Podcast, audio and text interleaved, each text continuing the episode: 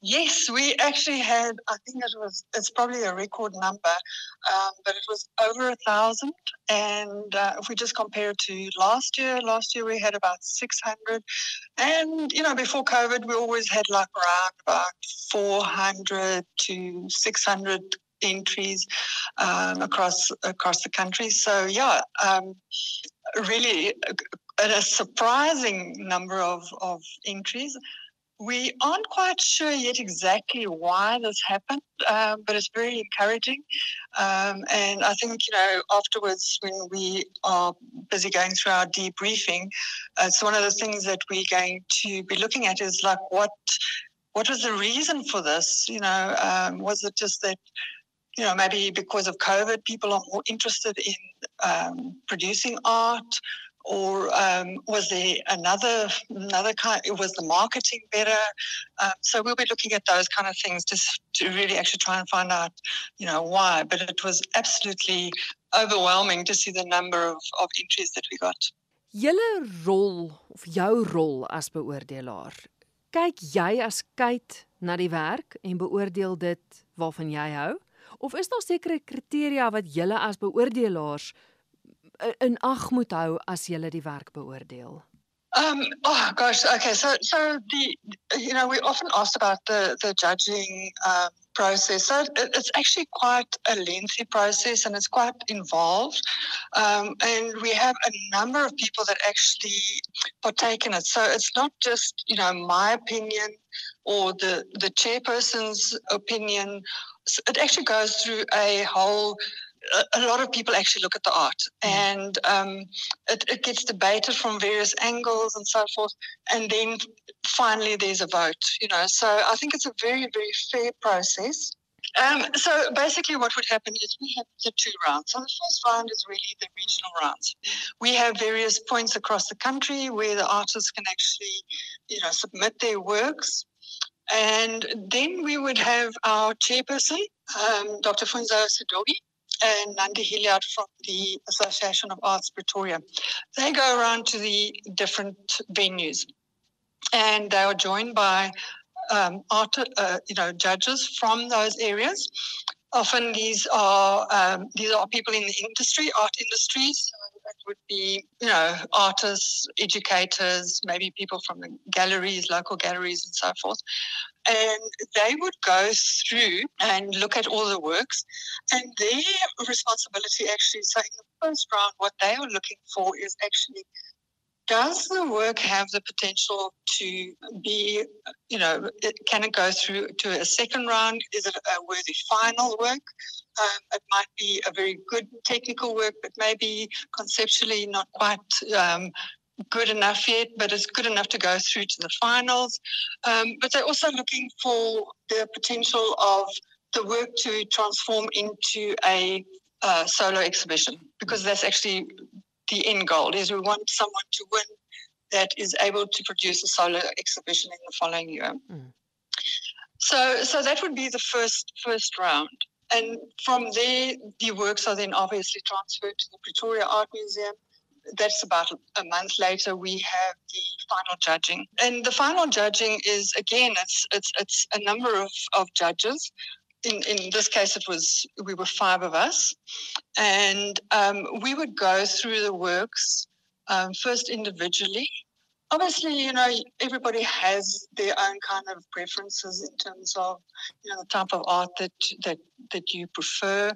But um, I think we're all professionals and we, we put that aside. You know, you need to look at what um, the merits of each work and um, really think about, you know, this is one person's career that you are going to influence in a very in, in a massive way. So you need to be very, very sure about, you know, the decisions that you make. Mm-hmm we would go around first and and you know just um, soak up have our first like impressions of the work then we would collectively go around to each work and sometimes it's very quick you can say okay no this work is not going to be form part of the final final circle because yeah you know it's a good work it deserves to be here but it doesn't have the potential to actually be in the winners circle and then some of the other works are like, oh gosh, no, I think we need to talk about this one because I'm not quite sure if I understand this, or you know.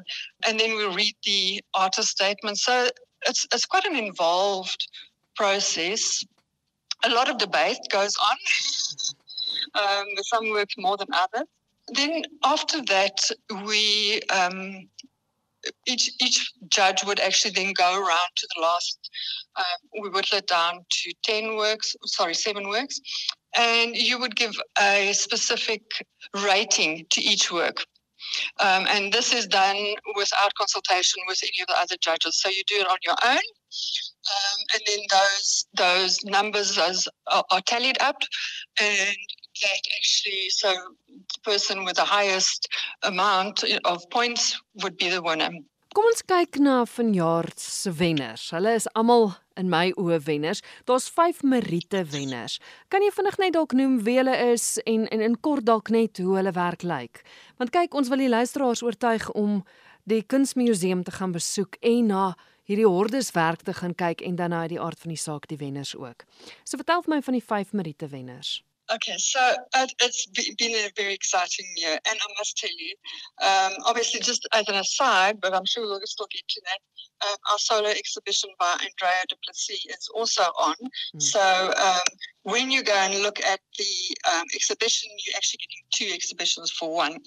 Um, but let us, if we look at the, the merit awards for this year, so very interesting. Three three of our top seven actually come from Durban, mm. and only one from Pretoria, and two winners from from Bloemfontein and one from Cape Town. So um, it's actually very nice to see a lot of artists from Durban. So we have um, our merit awards, uh, and this is in alphabetical order. Uh, the first one is Rohini Amratlal, and she's from Durban. And her work is called Unveiling the Archive. And she really actually works with the whole idea of uh, objects and how they are preserved in museums, but also traditions, traditions that, that are being lost, you know, and how those kind of traditions can be um, saved for future generations. How do they to be um, protected and, and documented? Uh, then we also have Linda Creel. He is from Bloemfontein, and um, his work is called Restrum, which is a an etching and a, a, a, lovely, a lovely work, very well executed. Also talking really actually about the whole idea about restrooms and gender. We have um, Malik Mani, who comes from Cape Town, and his work is a pencil drawing called um, From the Concrete Grew a Rose, and an amazing, amazing pencil drawing, very, very talented, very skilled.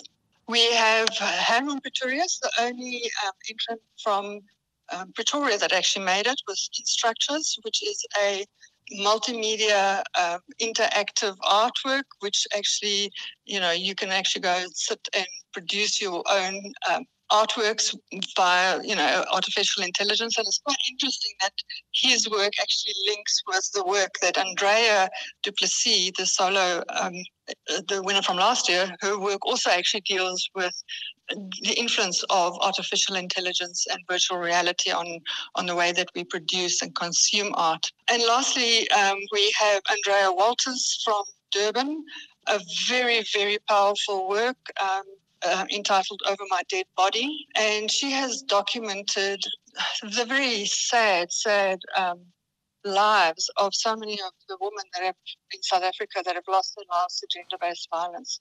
She was actually one of the few artists that had both her works actually chosen. Normally we choose one work, but we actually per for the top seven, but both her, her entries were actually chosen to be represented. Um, and uh, very, very powerful work that. Een van haar werke is, 'n bed. En die ander een is ek het nou nie my eie oë gesien nie, maar dit lyk so sepies of wat teen 'n muur yes. uitgestal is. Yes, nou. so so so she's actually basically used little bars of sunlight soap. Sunlight soap being basically, you know, one of the things that is used in most most host households to clean and so forth. Um, but it's also often used in rituals to um, to clean the deceased before their burials. Um, and what she's done is she's actually carved the mouths of each of these victims on the front of the soap, um, and on the back is the, their names and the date of their murder. The trolley is one of the um, gosh, what do you call those trolleys that they use in the in the mortuaries?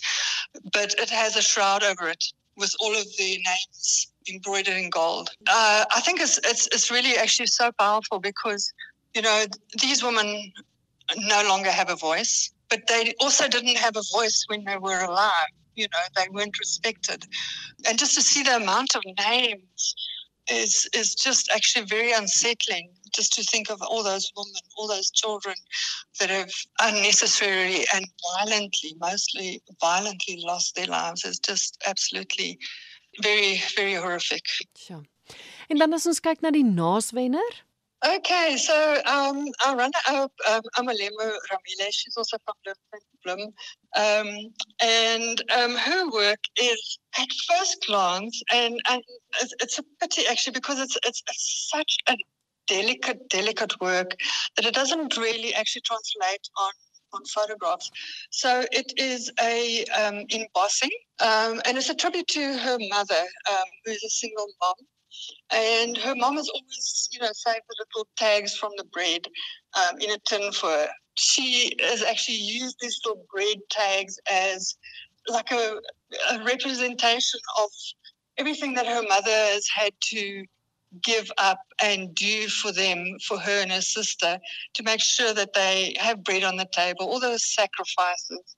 And, and it's just such a beautifully executed precious work um, and a lovely, lovely tribute to, to her mother's uh, dedication and all the sacrifices that she's made um, so that her daughters could have a better life.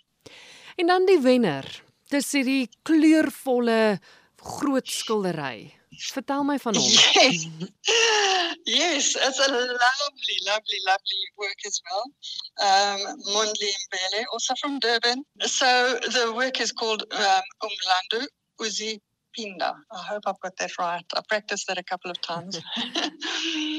um, but it means basically history repeats itself what he is interested in is uh, historical events. So this one specifically references the, the Sharpeville incident, but also the idea of passbooks.